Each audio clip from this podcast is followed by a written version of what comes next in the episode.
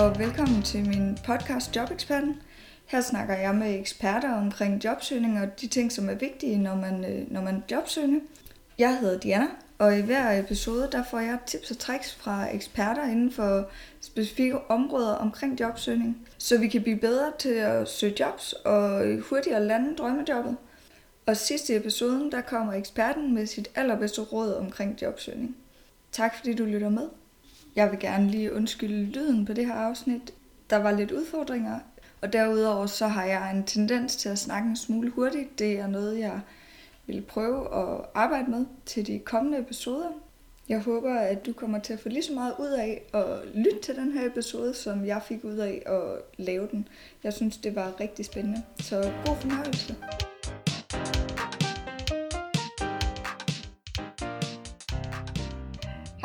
I dag er jeg på besøg hos Louise Brun Rosenbaum og Christina Falkvist, øh, som er chefkonsulenter hos Akademikerne. Vi skal snakke lidt om, øh, hvad der sker, når man bliver ledig, til hvad man lige skal gøre, hvad de har af gode råd til de forskellige ting, som, hvad, altså hvad, hvad er vigtigt, når man bliver ledig, hvad skal man huske at fokus på. Øh. Hvis I vil fortælle lidt om jer selv, hvem I er og hvad I laver. Jamen, øh, jeg hedder Christina Falkvist, og jeg arbejder på Akademikerkampagnen, og det har jeg gjort, øh, kan man sige, lidt sjovt, både som ekstern og nu som intern konsulent. Det vil sige, at det er en del af sekretariatet. Og man kan sige, at Akademikerkampagnen satser jo på at få bygget bro mellem virksomheder og øh, jobsøgende akademikere, og primært med fokus på dimittentledigheden, fordi den er så høj Ja. i øjeblikket. Så man kan sige, det er sådan den overordnede opgave, og så ligger der jo rigtig mange lag nedenunder, hvor vi, øh, vi laver og løser forskellige opgaver, men, men overordnet set så er fokus selvfølgelig på øh, højt uddannede, som er jobsøgende, og virksomheder, primært private virksomheder. Ja. Og også rigtig gerne dem, man kalder små og mellemstore virksomheder. Okay. Øh, Louise Brun øh, Rosenbaum, øh, og jeg, jeg sidder også her i øh, sekretariatet på Akademikerkampagnen og laver de samme ting. Hvis jeg skal gå, sådan lidt et spadestik dybere, så er det netop med, at kampagnen består af et øh, netværk af øh, samarbejdspartnere fra hele, hvad skal man sige, sådan, systemet som sådan. Og hvem er så det? Det er jo øh, A-kasser, fagforeninger, det er øh, jobcentre over hele landet, det er væksthuse, erhvervsservicecentre og øh, karrierecentre på universiteterne. Så det er også noget om at holde tog i det her netværk, få dem til at deltage, have nogle gode hvad skal man sige, vilkår. Det er også der styrer den del, der hedder phoner, hvor det er, at vi har nogle phoner, der sidder og ringer rundt til virksomhederne for at booke møder til de virksomhedskonsulenter, som der så tager ud og får skabt de her jobs. Der er en masse, hvad skal man sige, sådan afledt opgaver øh, i forbindelse med det, så man kan sige, at vores, vores arbejdsdag er meget sådan varieret. Vi ved faktisk ikke, hvad der sker, når vi møder ind. Også fordi vi jo også er i en øh, sådan politisk hvad skal man sige, virkelighed, hvor Ja. ja. lige nu der er der jo valgkamp, og så er det nogle ting, som man skal have fokus på der, og så andre gange er der mere stille. Så meget varieret. Ja. Men hele tiden med fokus på at bygge bro, som du siger også, Mm.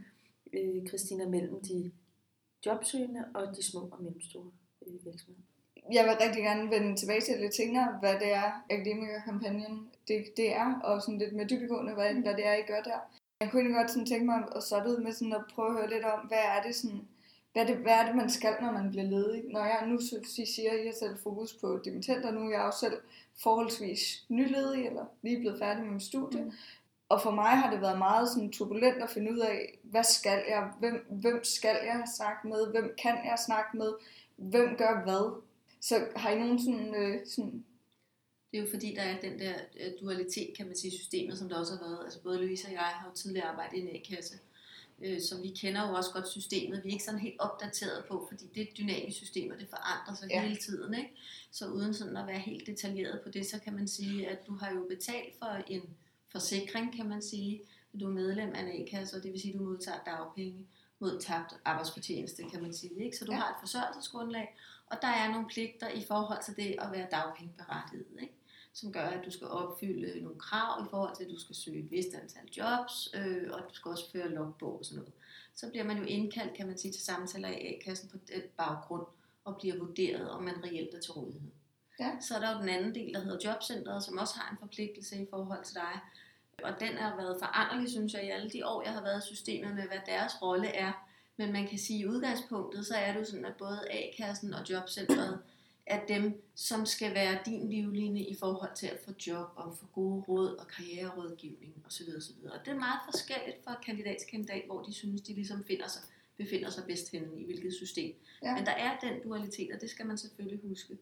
Når det er så sagt, så vil jeg også gerne sige, at man skal passe på, at man ikke fortaber sig i systemerne. Ja. Fordi det, det handler om, det er jo i virkeligheden, at man skal ud og have sit første job. Specielt når man, som du siger, er nyledig eller førstegangsledig, ikke? Og nydimitteret. Så, så øh, at bruge øh, mestendels af sin øh, energi på at søge arbejde er i virkeligheden der, hvor man skal lægge sit fokus, synes jeg. Ja. Så det vil være en af de gode råd. Og der synes jeg da rigtig tit, at det er min erfaring, at man kommer til at, man kommer måske til at være, og det er klart, når man ligesom har været i et system, hvor man har øh, læst rigtig mange år, og man har været specialiseret omkring en bestemt faglighed, så kommer man måske nogle gange til at glemme og brede antennerne lidt mere ud, og man måske bliver lidt ensporet i sin øh, jobsøgning. Ja. Øh, så man kan sige, øh, mange gange så handler det jo om at få det første job, og få hul på den by, om man så må sige. Så derfor tænker jeg, at det er rigtig godt at være nysgerrig. Ja. Og, øh, og forsøge at, at søge jobs også andre steder, end man lige umiddelbart havde tænkt sig selv ind i. Så vær nysgerrig. Ja. Synes jeg er et rigtig øh, godt råd. Og så tænker jeg også, at det er jo også altså rent det med rettigheder og pligter, som skal overholdes. Ja. For man kan få udbetalt sine dagpenge. Ikke? Der får man jo rigtig mange gode råd og anvisninger, når man møder op første gang hos sin e-kasse og øh, sit jobcenter. Så lyt og slå ørerne ud og gem alle de papirer, man får. Kig i dem en gang imellem for lige at se, gør jeg nu også det, jeg skal. Og så kan den del ligesom ligge, når man har fået gjort det, man skal, for man kan få udbetalt de her øh, hvad skal man sige, penge. Ikke? Og så går man over netop, som du også siger, Christina, så har jeg fokus på at få det der første job. Ja. Øhm, og så synes jeg, at det der også er vigtigt at sige der, det er, at man skal også tage udgangspunkt i sig selv, prøve at ligesom definere sig selv som jobsøger nu, og som en, der skal ud på arbejdsmarkedet, og ikke en, som læser. Ja. Og ikke en, som fordyber sig i sin faglighed osv. videre. Det har man gjort, det er det, man skal ud og få til at virke nu hos en sådan arbejdsgiver og skabe noget, hvad skal man sige, værdi. Og der er det rigtig vigtigt i vores tid, hvor det er, der er så mange forskellige, hvad skal man sige, uddannelser. Så de her arbejdsgiver, som vi taler rigtig meget med, de aner ikke, hvad de forskellige sådan, fagligheder egentlig kan. Okay. Og derfor er det så vigtigt, at man selv får det defineret over sig selv. Og det, som vi arbejder med, den metode, vi bruger her hos os, det er, at vi får det kogt ned på et plan, hvor vi siger, hvad er det for nogle arbejdsopgaver, du kan løse? Og hvordan finder man så ud af, hvilke arbejdsopgaver, der så findes derude? Jo, der er jo rigtig mange, der har haft et studiejob i forvejen, og det kan man jo så tage sådan udgangspunkt i. Men ellers er det rigtig godt at gå ind og læse alle de der sådan, jobopslag, som der er. Hvad er det, der bliver defineret? Hvad er det for nogle arbejdsopgaver, man kunne samlet sige, der egentlig bliver sådan udbudt? Og hvad for nogle af dem kan man egentlig byde ind på. Ja. Og så prøv at kode det ned til en 5-6 primære arbejdsfelter eller arbejdsområder, hvor det er, man egentlig kan byde ind med sine kompetencer. Sådan, så man bliver lidt mere skarp, kan man sige, i sin profil. For det er jo virkelig det, det handler om, at få oversat det, man har lært, ja. og gøre det brugbart i en anden kontekst, som pludselig er en arbejdsmæssig kontekst. Ja. Og det er jo den måde, vi også, vi, vi også kommunikerer med kandidaterne på, at få oversat, hvad er det reelt, jeg, hvad er det for reelt nogle arbejdsopgaver, jeg kan løse. Øh, sådan så vi taler det samme sprog som virksomhederne, sådan så vi bedre forstår hinanden og kan møde hinanden på det samme grundlag. Og der tænker jeg i hvert fald, det er rigtig vigtigt også, øh, at man ikke forfalder til floskler, men at man netop bliver rimelig skarp og måske får lidt kant på sin profil, så man også skiller sig ud ja. fra de andre, så man ikke bare bliver en af de mange. Fordi nogle gange, øh, når man ser ansøgninger, så er der jo rigtig mange, der sådan kommer til at skrive fuldstændig som arbejdsgiver og skør, når de laver jobopslag af dem. Bruger alle de her klichéer, men man kan have mange bolde i luften, og jeg kan omsætte kompleks viden og gøre det målrettet og brugbart. Ikke? Øh, du ved, altså de her ting, hvor jeg tænker, at det bliver sådan lidt fluffy, og i virkeligheden så er vi mange, der kan sige, at vi kan det, men det gør mig ikke til noget særligt så også at skille sig ud. Mm. Så det handler om, som sådan helt, øh, helt fra begyndelsen af, så skal man sørge for at få styr på, hvad er det A-kassen siger til dig, hvad er det jobcenteret siger, du skal i forhold til de praktiske ting, og så bagefter faktisk tage fat i, okay, hvad er det, jeg kan ud fra min uddannelse og min, og min jobs, hvordan kan jeg få det formuleret til hvad er det, jeg kan? Altså, hvad er det for nogle kompetencer, jeg ligesom sidder med og kan byde ind med hos virksomhederne, og hvad er det, jeg vil? Er måske også... Og hvad, hvad, altså, jeg tænker, hvad gør man, hvis det måske ikke helt stemmer overens? altså, Ja. det her med, jeg er uddannet til én ting, på min, og, og det er meget det, når jeg siger, jeg er kendt mærke inden for branding, det er ligesom det folk, de så hænger sig i. Jamen, så er det noget med branding. Det er egentlig ikke det, jeg har Mm. sådan allerhelst vil. Mm. Ja, Så hvordan twister man det. Ja, Men det kan man jo så sige, det er jo netop det med, at du skal brande dig selv. Mm. ja, Og du skal brande dig selv ved, at du får sat ord på, som er let forståelige for en arbejdsgiver. Får sat ord på, hvad er det, jeg kan hjælpe dig med? Altså hvis der vi går helt ned og ikke siger kompetencer og alt det der, men netop siger, hvad er det, jeg kan løse for dig? For eksempel, i stedet for at sige, at man er kan et eller andet i det og det og det. Det er ikke brugbar viden, kan man sige, medmindre man så præcis ved, hvad er det, en kan et eller andet kan i min virksomhed. Det er jo fint nok, men det er de færreste virksomhedsejere, som der ved det. Derfor er det meget vigtigere, og det er, hvad skal man sige, en relevant viden, du så fortæller en arbejdsgiver, når du siger, jeg kan hjælpe dig med at skaffe nye kunder, i stedet for måske at kalde det branding, eller noget andet af den slags. Ikke? Så at man går helt ned og måske pakker sit sådan akademiske sprog lidt sammen, og så prøver at sige, jeg kan hjælpe dig med, og så prøver at komme nogle, nogle ord på, og så lave den øvelse. Det kan så være, at man, når man taler med en arbejdsgiver, måske godt kan bruge de akademiske termer og sådan noget, men laver den her øvelse med sig selv, hvad er det, jeg kan hjælpe dig med? Ja. Helt konkret. For så begynder man at kunne tale det sprog, som en virksomhedsejer også vil kunne bruge til noget. Så tænker jeg også, at man skal også huske på, at man kan sagtens lave sådan en hypotese, der hedder, at vi tager to kandidater, som har den samme øh, faglighed og den samme baggrund på den måde, men det gør dem ikke nødvendigvis identiske, fordi den måde, vi forvalter vores faglighed, er også rigtig væsentlig. Og det er jo vores- personlighed og vores personlige præferencer, der Ja. gør, at vi forvalter vores faglighed på forskellige måder. ja. Øh, og det synes jeg også er en vigtig ting at tage med, sådan så man også på den måde får differentieret sin profil. Ikke? Så det handler måske også rigtig meget om netop at få, altså få sin personlighed til at brænde igennem i de ansøgninger og de, alle de henvendelser, man laver til virksomhedsejere. Og, og, Ja. ja, og så handler det altså også om at lytte efter, hvad det virksomheden har brug for. Ja. Fordi det er fuldstændig ligegyldigt, hvis du kommer og siger, at du kan skaffe en virksomhed nye kunder. Hvis det der er, hvad skal man sige, sådan udfordringen hos den enkelte virksomhedsejer lige nu, det er, at der er for mange kunder, og man kan ikke nå at håndtere alle de ordre, der kommer ind. Så vil virksomhedsejeren jo sige, mm, så kan jeg ikke bruge dig til noget. Selvom du sikkert også vil kunne hjælpe med det andet. Så du bliver nødt til først at lade virksomheden fortælle, hvad er deres situation? Hvad er det, de har brug for? Og det kan godt være, at de ikke altid ved, hvad de har brug for, men så i hvert fald få dem til at fortælle, hvordan ligger landet lige nu her hos mig, og hvad vil jeg gerne fremover. Så har du fået en retning på, og den retning kan du så pejle dig ind på at modsvare ved så at sige, om jeg kan høre på dig, at du mangler en metode, hvor du kan få måske sådan ordrene øh, hen over bordet på en hurtigere måde osv. osv. Det vil jeg godt kunne hjælpe dig med. Ja. Så har du talt dig ind i jobbet. Man tæller sig ikke ind i jobbet ved at bare levere alt det, du kan. Mm. For det er ikke sikkert, det er særlig relevant viden for din modtager som arbejdsgiver, hvis ikke de har brug for det, du lige umiddelbart fokuserer først på. så det handler rigtig meget om netop at, ja, at sætte sig ind i, hvad er det virksomheden har brug for. Ja. Også, det kan jo også være, at man slet ikke selv føler, at man egentlig passer ind, når man så har sat sig ind i det. Og så er der måske heller ikke nogen grund til at spilde Præcis. tiden Præcis. for den arbejdsgiver. Præcis. Og så det med sådan personligheden, det er selvfølgelig vigtigt, at man passer ind i virksomheden. Men det ved man sjældent, før man har været der et stykke tid. Man plejer at sige faktisk, at når man har været der et stykke tid, og man har fået spist frokost sammen, man har fået talt om nogle ting, og, og øh, man har fået luret hinanden lidt af, fået smalltalket lidt, og man kan se, hvordan er en dagligdag egentlig her. Og det kan godt tage et par uger eller tre, øh, og lige få luret det, det, det af. Ikke? Det kan også godt være, at arbejdsgiveren har en eller anden sådan fornemmelse af, at jeg vil godt have en, der er på en bestemt måde. Hvis man så ikke kan modsvare det, jamen så er det jo ligesom det. Men det er sjældent noget, man kan få helt sikkert svar på, bare ved at sidde på til, til den første jobsamtale eller den anden.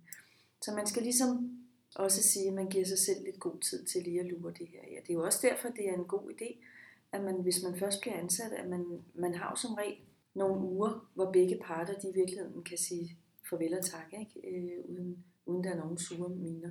Fordi man skal lige stikke en finger i jorden. Ja. Og se, Er det, passer. er, er det noget, fordi det er faktisk noget, som jeg for nylig har snakket med nogle af mine jobsøgningskollegaer om, hvis vi skal kalde dem det, det her med, hvis man nu får jobbet, fordi der er den her sådan øh, higen efter at få det her første job, som du snakker om, Christina, øh, hvis nu man ikke synes, man passer ind, eller der er et eller andet, hvor man sådan tænker, det var ikke lige det, jeg regnede med, Mm. skal man så, altså, hvad er jeres anbefaling på det? Altså, skal man, skal man gå, eller skal man blive og tænke, jamen, det er nemmere at få et job, når jeg har et job, og så bare søge videre, og egentlig måske gøre det sådan et halvt, for der tænker jeg jo lidt, at man måske også skader den virksomhed, man så har fået job i. Så, så hvor ligger, altså, skal ens loyalitet være hos en selv, eller skal den være hos den arbejdsgiver, man jo så har sagt ja til et job hos? Jeg synes, Det er man skal være... spørgsmål. Ja, jeg forstår godt, hvor du hen.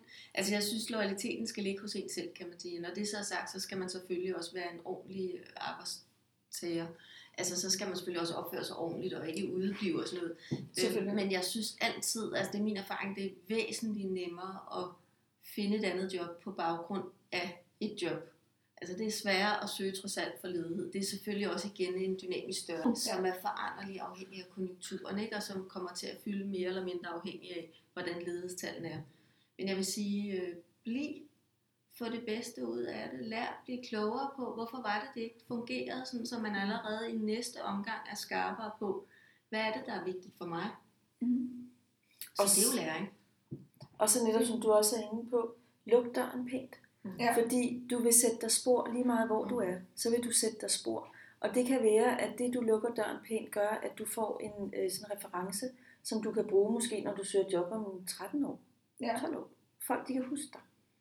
Man kan huske meget mere, end man umiddelbart tror, når det regner om, eller når det handler omkring job. Ikke? Ja. Øh, så luk døren pænt, øh, og vær ærlig omkring, øh, når man så endelig går ind og siger op, så kan man sige, at jeg har fået et bedre tilbud, eller øh, det har været fint at være her, men jeg kan mærke, at det er ikke lige der, jeg vil hen, øh, men jeg gør selvfølgelig de her sådan, opgaver færdige, som jeg har lovet, og så videre, så videre.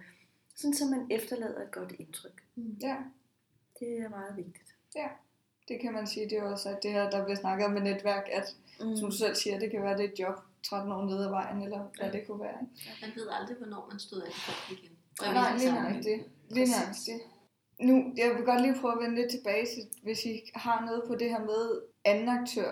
Hvad der ligesom ligger i det, når man kommer. Fordi man hører alle de her fancy ord, der bliver smidt ud, når man, når man bliver ledig. Og så hænger det lidt sammen med, at man er man nyuddannet, er man under 30, er man over 30, og alt efter hvor meget. Hvad, hvad er anden aktørs rolle? Altså anden aktørs rolle er jo øh, at varetage den opgave, som jobcentret skulle have varetaget over for dig. Så det vil sige, at de har overtaget hele den hvad skal man sige, opgaveløsning, som jobcentret ellers ville have.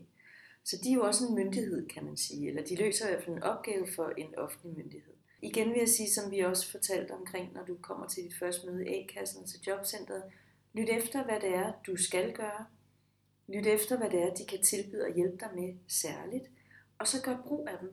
Det er dygtige mennesker, som der sidder, og det er deres arbejde at sørge for at hjælpe dig videre. Øhm, så brug dem. Så brug de ressourcer, der er Ja. til rådighed for Ja. dig. Ja. Ja. Øhm, jeg, så jeg kunne nok godt tænke mig at høre noget mere om det her akademikerkampagne, og hvad det sådan lidt mere går ud på, og hvordan vi som jobsøgende kan bruge jer. Det første skridt, kan man sige, til at overhovedet at kunne øh, øh, bruge os, eller hvad vi skal sige, så er det jo sådan set, at man lægger sit CV på akademikerbasen. Ja. Øh, fordi det er vores kandidatbase, og det er den, vi bruger, øh, når vi er ude at besøge virksomheder, og når alle vores samarbejdskonsulenter også er ude at besøge virksomhederne, så er det den i udgangspunktet, der bliver brugt. Og jeg linker til den på Ja. show notes. Og det, der så ligger i det, kan man sige, det er jo, at det er en kandidatbase, hvor der ligger øh, lige i øjeblikket, tror jeg, omkring 1400 kandidater, så det er jo ikke voldsomt mange, kan man sige.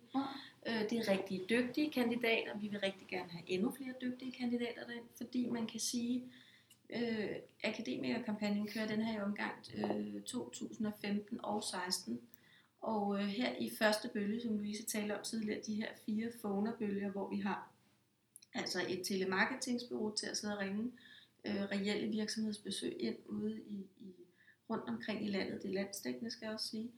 Øhm, der sker jo det, kan man sige, at de kommer ud og besøger øh, alle mulige forskellige virksomheder, som har et behov af en eller anden slags, som vi er med til at hjælpe dem med at definere. Der ligger nogle arbejdsopgaver, og det vil sige, det er jo ikke jobs, som du, du vil støde på andre steder.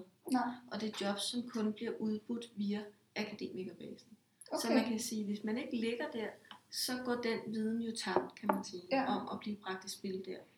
Og så er det jo sådan, at når man søger job, kan man sige, traditionelle steder, Jobnet eller Jobindex, så er man måske også i konkurrence med rigtig mange andre, og det er man sjældent her, fordi at, som sagt, der er ikke så mange kandidater. Øh, vi skal afvikle 6.500 øh, virksomhedsbesøg ja. i Hold op. Øh, det er rigtig mange virksomhedsbesøg, ja. og vi har lige siddet, eller du har Louise her til formiddag, lige siddet og kigget i registreringerne Ja, for og, konsulenterne. ja. og det er sådan, at, øh, at de besøg, som konsulenterne har været på her i maj, ja, ap- april, marts, april, maj Ja. 2015, der er 34 procent af de besøg, de har været på, de har givet øh, et job. Okay. Og det vil sige, så øh, i 34 procent af de tilfælde, hvor det er, altså konsulenten kommer ud, der går de direkte hjem med en jobmulighed. Det kan være en virksomhedspraktik, det kan være en ansættelse med løntilskud, det kan være en indebooster, det kan også være øh, ordinært job. Jeg skal lige et opklarende spørgsmål. Når du siger konsulenterne, så er det de konsulenter, der arbejder for jer, Ja. ja. som kommer hjem med tilbud til jer, som I kan videregive til en af dem, som er i basen. Det gør Ja, de, eller de gør det selv. de, gør ja, okay. Men, Ja. ja. Ja, det er de konsulenter, som arbejder, og det er jo konsulenter, der kommer netop fra jobcentre, A-kasser, væksthuse, universiteter osv. Der er 115 på kampagnen i denne her omgang. Altså deres opgave er at tage netop ud og gøre det, som vi også fortalte, at man skal gøre som jobsøger selv. Spørg ind til virksomhedens situation. Hvor er virksomheden lige nu? Hvad vil de nå med deres virksomhed? Og kunne man tænke sig, at for at nå derhen, der ville det være en rigtig god vej at skabe et nyt job til en altså højt uddannet. Ikke? Ja. Og mange af de virksomheder, som vores konsulenter tager ud øh, til, det er virksomheder, der ikke ellers har ansat højt uddannet. Så det er nogle meget spændende stillinger, vil jeg så også sige, fordi som du også sagde, Christina, så er det, det er ikke nogle typiske stillinger, eller mange af de her stillinger er ikke sådan nogle typiske stillinger, man ser slået op. Det er stillinger, hvor det er, man skal øh, hjælpe ledelsen med noget sparring. Og så er det stillinger, der har meget fokus på at skabe vækst gennem de forskellige, hvad skal man sige, veje med sådan strukturering, organisering, nye kundesegmenter, der er markedsføring, der er kommunikation. Rigtig spændende, spændende, spændende opgave. Er det, er det sådan, at det så typisk vil være stillinger, hvor man egentlig måske får en bred erfaring, fordi det er mindre virksomheder, Ja. man har med at gøre? Ja. Er en tendens til, at man bliver ansat lidt mere som generalist, kan man vel godt sige, når vi snakker det her SMV-segment, som jo er altså små og mellemstore virksomheder. Ja. Der er man ikke så meget specialist. Der må man nok være indstillet på, at hvis man vil gå den vej, øh, så, så er det, at man håndterer rigtig mange forskellige arbejdsopgaver. Til gengæld, som alle dem, som vi er i dialog med, som har været derude og været ansat der, siger de, at det er jo rigtig sjovt, fordi man får lov til at rykke på tingene rigtig hurtigt, og kommandovejen er hurtig. Ja. Så, så tingene sker i et lidt andet tempo, end for eksempel, hvis man sad som specialist hos Novo Nordisk. Ja. Nu, vi snakkede sammen på et tidspunkt også omkring en anden af fordelene, Christina, at øh, du snakkede om noget med, at der, der var en anden søgemulighed i jeres system, som gjorde, at man faktisk kunne, hvad hedder det, målrette sin profil lidt mere. Mm. Vil du fortælle os lidt om det? Ja, altså det er formodentlig det, er sådan erindrer, vi har talt om, og det som også er en fantastisk ting ved vores base, når vi skal søge kandidater, det er, at vi jo ikke kigger så meget på jeres faglighed. Altså, øh, hvad kan man sige, og det er jo også det i tråd med det, du sagde, Louise, med, at, at den, hele den måde, den base fungerer på, er, at vi søger på arbejdsopgaver. Øh, og når der er en arbejdsgiver, der ringer til os og spørger om en kant mærker, så vil man jo gerne udfordre dem på det og sige, at det er jo ikke sikkert, det er det, der er brug for. Mm. Fordi sådan er der også en tendens til på arbejdsmarkedet, at der bliver sådan lidt den, der vi kalder i vores branche rip rap effekt ikke? Når man har set over hos naboen, ikke? at de har ansat en ingeniør, så skal vi nok også have en ingeniør. Ja. Men det er jo ikke sikkert, at verden hænger sådan sammen. Så det, det udfordrer vi altid arbejdsgiverne på, og vil hellere snakke arbejdsopgaver end som sådan faglighed. For den kan i virkeligheden være rigtig forskellig. Vi lavede på et tidspunkt et IT-projekt, samarbejde med Dansk Industri, hvor at du, Louise, fandt frem til en øh, klassisk arkeolog, der havde haft hele sin karriere inden for IT-industrien. Ja. Så man kan sige, at det vil jo være farligt, Hvis vi bare havde søgt på faglighed, så var han jo ikke ja. kommet ud i den sammenhæng. Så det vil sige, at de er lidt bedre til at matche kandidaterne med opgaverne, end hvis man bare kigger på stillinger, altså selv. Vi kan i hvert fald sige, at vi har nogle muligheder. Jeg har da nogle gange oplevet, at jeg har siddet og talt med kandidater og ringet til dem og sagt, jeg har set dig på basen, jeg synes, du matcher det her job rigtig godt. Og hvor de selv har været i tvivl i udgangspunktet, hvor vi så har haft en god snak om det. Nogle gange skal kandidaterne jo også flyttes lidt, Ja. øh, fordi de måske ikke lige har selv, set sig selv i den sammenhæng. Ikke? Øh, og det hænger jo dels sammen med også, kan man sige, at jeg tænker også kompetencer fra ens levede liv, altså fra ens privatliv eller frivilligt arbejde, eller det man eksempelvis er vokset op øh, i, øh, hos nogle forældre, der begge har været selvstændige, eller man er vokset op på et landbrug, eller hvad det nu kan være. Ja. Det bliver sådan nogle sidekompetencer eller parallelle kompetencer, øh, som kan være afgørende, fordi man pludselig har en anden indsigt end en anden kandidat. Så det handler måske også om, som kandidater, som jobsøgende, og, og øh, netop det her, vi startede med at snakke om, med, med at, at finde ud af, hvad er, det hvad er det for en kompetencer, man har, og så tænke sit, som du siger, sit liv ind i det også mere end kun ens uddannelse, og kun måske også ens jobs, ens frivillige arbejde, og altså sit generelle liv ind i sin jeg. kompetenceafklaring. Det vil jeg råde til. Og så er det også rigtig vigtigt, når man så præsenterer det for en arbejdsgiver, når man er til den her samtale, så prøv at holde fokus på, hvad er det for nogle opgaver, jeg skal løse, og hvordan kan jeg fortælle arbejdsgiveren om, jeg kan løse dem. Fordi selvom man skal have fokus på, hvem er jeg som person, og hvad jeg lavet i min fritid osv., osv., så skal man altså også tænke på, at det som arbejdsgiveren i første omgang ser, når du kommer ind ad døren, det er en øh, ressource, Ja. som der skal hjælpe ham eller hende videre med sin virksomhed. Når man så har kendt hinanden et stykke tid, og, og har været i firmaet og sagt godmorgen et vis antal gange, og sådan, så begynder man også at interessere sig for, hvem er det som person osv. videre, Ikke? Men lige til jobsamtalen, prøv at have fokus på dig som ressource, dig som en, der skal løse en eller flere hvad skal man sige, opgaver for en virksomhed. Ja. Og prøv at, prøv at fokus på det, når du skal præsentere dig selv. Men jeg tænker, der kan være en rød tråd.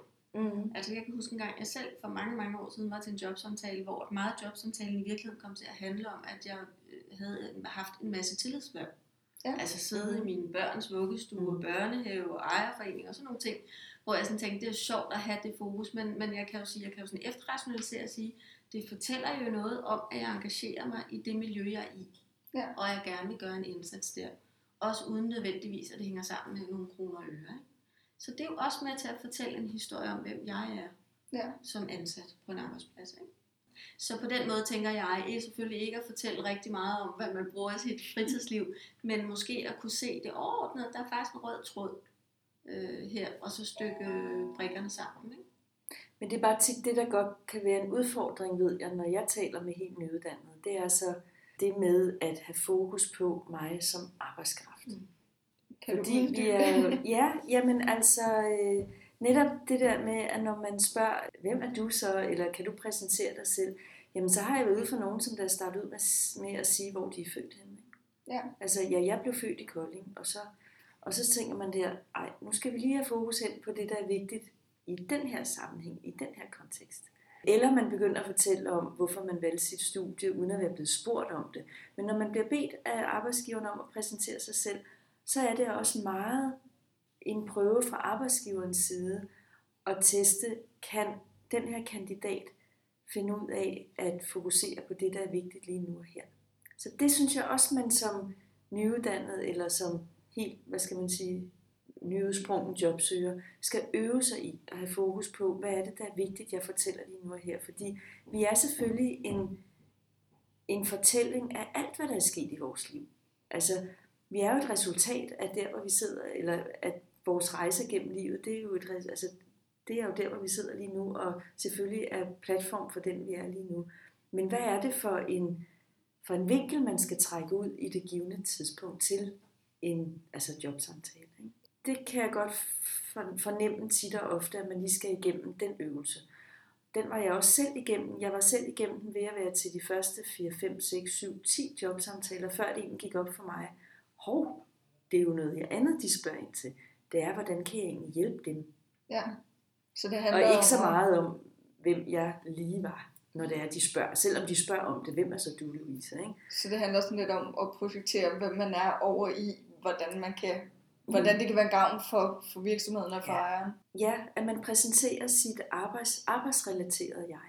Og så kan man selvfølgelig, hvis det er relevant, at man har haft tillidshverv, hvis det er det er relevant, at man har rejst meget, eller at man er verdens, eller måske verdensmester, som Danmarksmester i skateboard, eller et eller andet, så træk det frem.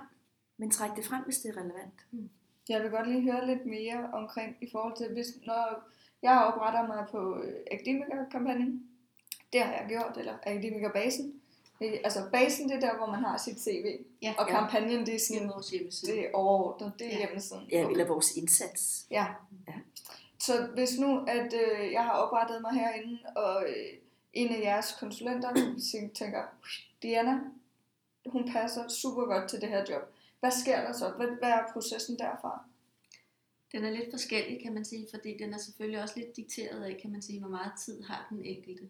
Så den kan egentlig se ud på lidt forskellige måder, men man kan sige, øh, enten så kan du opleve, at dit CV, fordi det har du øh, givet tilladelse til, enten kan du opleve, at dit CV er blevet fremsendt til en virksomhed. Ja. Øh, og Får jeg det at vide så? det vil, altså det vil i hvert fald være god stil, kan man sige. Det er jo ikke altid, man lige når det. Hensigten er reelt og god, kan man sige, men egentlig er det også det, man skriver under på. Ikke når man lægger sig ind, at det er okay, at jeg bliver sendt videre til en arbejdsgiver. Ja. Øhm, så vil, vil jeg i hvert fald, hvis jeg havde rigtig travlt, og jeg siger, at det her handler jo i virkeligheden bare om at få dig, Diana, til at møde den her virksomhed, for I er et rigtig godt match på mange måder. Øh, du kan løse de arbejdsopgaver, han har, og jeg tror også, du vil passe godt ind i de, med, de medarbejdergruppe, der er. Øh, så vil jeg selvfølgelig opfordre arbejdsgiveren til at sige, giv hende et kald. Altså ring til hende eller indkald hende til jobsamtale, så I lige får kigget hinanden efter. Fordi når han allerede har set dit CV, eller hun har, så har han jo en eller anden vurdering af, at du, han synes, du er interessant. Det kan også foregå på den sådan helt traditionelle måde, hvis man har god tid, og arbejdsgiveren har god tid, at øh, konsulenten siger, send mig en, altså jeg har været ude og besøge den her virksomhed, der er de her arbejdsopgaver, kunne det være noget for dig? Send mig en ansøgning og et CV, og så vil det være sådan en traditionel rekrutteringsproces Okay. som går igennem konsulenten. Men det tror jeg faktisk vil være sjældent.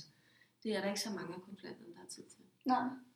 Så det vil sige, at lige nu der er, man kan sige, når du siger, der er 1400 CV'er, så er der også, altså så står man jo godt. Det står rigtig godt. Altså i Ja. forhold til at fortælle om, hvor mange Ja. nye virksomheder, der kommer ind med. Ja. Vi skal måske også lige sige, at man har ikke pligt til at søge de stillinger, der bliver sendt til en. Og derfor er det ganske ufarligt Ja. at stå på basen øh, på den måde. Der er aldrig nogen, der vil tvinge dig til at tage et af de altså jobmuligheder, som, Nej. som vil blive sendt til dig. Det er et tilbud. Det er også et tilbud, når dit CV bliver sendt ud til en arbejdsgiver. Selvom arbejdsgiveren så ringer og siger, det er lige dig, vi vil have. Så der er ikke noget, netop fordi vi er ikke en del af jobcenter og A-kasse verden. Vi skal ikke tjekke rådighed osv. osv. Det er et tilbud. Så man skal ikke tage imod de stillinger, der bliver tilbudt. Så det vil sige, at hvis jeg så bliver tilbudt en stilling, så hvis jeg tænker, det var ikke lige, jeg siger nej, så sker der ikke noget med min dagpenge. Der, der er ikke nogen, der melder noget til nogen, så der er ikke noget, der jeg vil ikke sige, at der ikke sker noget med dine dagpenge, for det ved vi jo ikke noget om. Men der er ikke nogen herfra, der melder, at du har sagt nej tak til et tilbud om at tale med en arbejdsgiver. Men når det er sagt, så samarbejder vi med jobcenter og A-kasser, og vi synes da, at alle ledige, der får tilbudt en jobmulighed, skal prøve at kigge på den, se, kunne det ikke være interessant. Og det kunne jo være, at man blev positivt overrasket, når man tog ud og mødte arbejdsgiveren, Helt og fandt ud af det her. Selvom det ikke er noget af det, jeg lige havde tænkt mig, jeg skulle have som mit første job, så kan det jo være trædestenen til, til drømmejobbet. Ja, Og det synes jeg, at man skal tage som, ja, som et rigtig godt tilbud. ja. Her tænker jeg også, det er netop, som snakker om, at vigtigt, at man får skrevet ind, hvad det er, man kan. Fordi jeg får for eksempel, min titel er Kant Mærk, jeg får rigtig mange øh, hvad hedder det, mails om controller-jobs. Mm. Og som du siger, det kan jeg jo ikke andet end sige nej til, fordi det har jeg faktisk ikke kompetencerne til at udføre. Mm. Så der handler det selvfølgelig meget om at være kompetenceafklaret. Og det er også derfor, at øh, akademikerbasen er bygget op sådan, at konsulenterne går ind og søger på, hvad for nogle arbejdsopgaver, du har sat kryds i, at du kan, eller har skrevet i noget fritekst. Vi er meget glade for fritekst. Mm. Og så går man ind og leder på det. Så hvis du ikke har skrevet regnskab, så vil du ikke få tilbudt regnskabsjob. Det er jo virkelig praktisk. er der noget, hvor I tænker sådan, lige bortset fra, at man selvfølgelig skal gå ind og oprette sig på akademikerbasen, er der noget, hvor I tænker, at det her, det ville være rigtig smart at være opmærksom på ellers som jobsøgende? Mit gode råd, hvis det skal koge sammen til én ting, så er det, at man som nyuddannet giver sig selv rum og plads til at tænke sin faglighed ind i nogle lidt andre sammenhænge, end man umiddelbart måske havde forestillet sig, da man meldte sig ind og valgte øh, uddannelsesretning. Fordi der findes ufattelig mange spændende virksomheder, spændende arbejdsopgaver, man måske ikke lige kender til, og som man kun kan blive øh, klogere i øh, ja. og møde. Så giv det en chance og tænk sig selv lidt skævt. Ja. Jamen, jeg tror, jeg har sagt tidligere, øh, vær nysgerrig, og det er jo også lidt i tråd med det, du siger, men vær nysgerrig, vær åben. Altså, øh, ja, vær åben på alle de øh, tilbud, der er derude, og læs masser af jobannoncer, og lad være med at tænke for snævert. Og så selvfølgelig have noget rigtig godt ansøgningsmateriale, øh, som Louise siger, også bærer præg af, at man ikke længere er studerende, Ja. men at man er arbejdsrettet. Det synes jeg er rigtig væsentligt.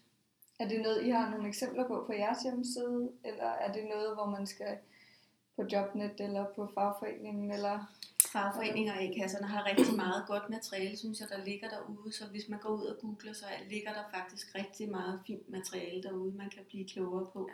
Ja. Altså, vi, vi har valgt netop ikke at give sådan nogle standard ting, hvor vi siger, at det virker, og det virker ikke. Fordi det er også, altså, det er jo ligesom alt andet sådan kommunikation, det skal være målrettet. Ja. Og det, der virker over for en arbejdsgiver, er virkelig bare gået i havnen hos en anden arbejdsgiver. Så det, det giver vi ikke sådan nogle generelle råd om, men som vi også nævnte før, alle de konsulenter, der er ude i jobcentrene, i A-kasserne, hos anden aktør og så videre, så videre, det er deres faglighed at hjælpe til med den slags ting, så brug dem og lyt til deres gode, gode råd også. Ikke? Ja. En lille sidste ting, jeg så også vil sige, det er, når man får et nej fra en arbejdsgiver, så tag det ikke ind under huden. Det er tit og ofte lidt sådan tilfældigheder, der gør, at det ikke er blevet dig. Det kan også være noget med din faglighed selvfølgelig. Det kan have i høj grad noget med virksomhedens nuværende situation at gøre, og deres muligheder for at ansætte. Selvom det er svært med at få måske afslag nummer 55, så bare klø på, fordi det kan være nummer 56 af det, der giver poolen. Ja. Ja. Super. Øh, hvis man skal finde jer, hvis øh, man, er det, det er akademikerkampagnen.dk og øh, Og øh, akademikerbasen.dk. Ja. ja. Super. Det øh, skriver jeg selvfølgelig i show notes også, som kommer på hjemmesiden. Og øh, så skal jeg rigtig mange tak, fordi I gad at være med. Det er jeg rigtig glad for. Velkommen. Held og lykke med sommerens kampagne her. tak. Så ja, mange tak.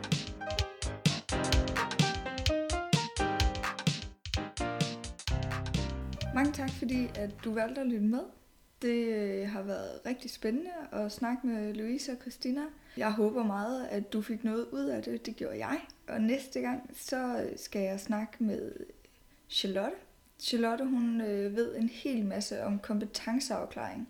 Så der får jeg en rigtig spændende snak med hende omkring de forskellige ting, der er omkring kompetenceafklaring, og hvorfor de er vigtige i forhold til din jobsøgning.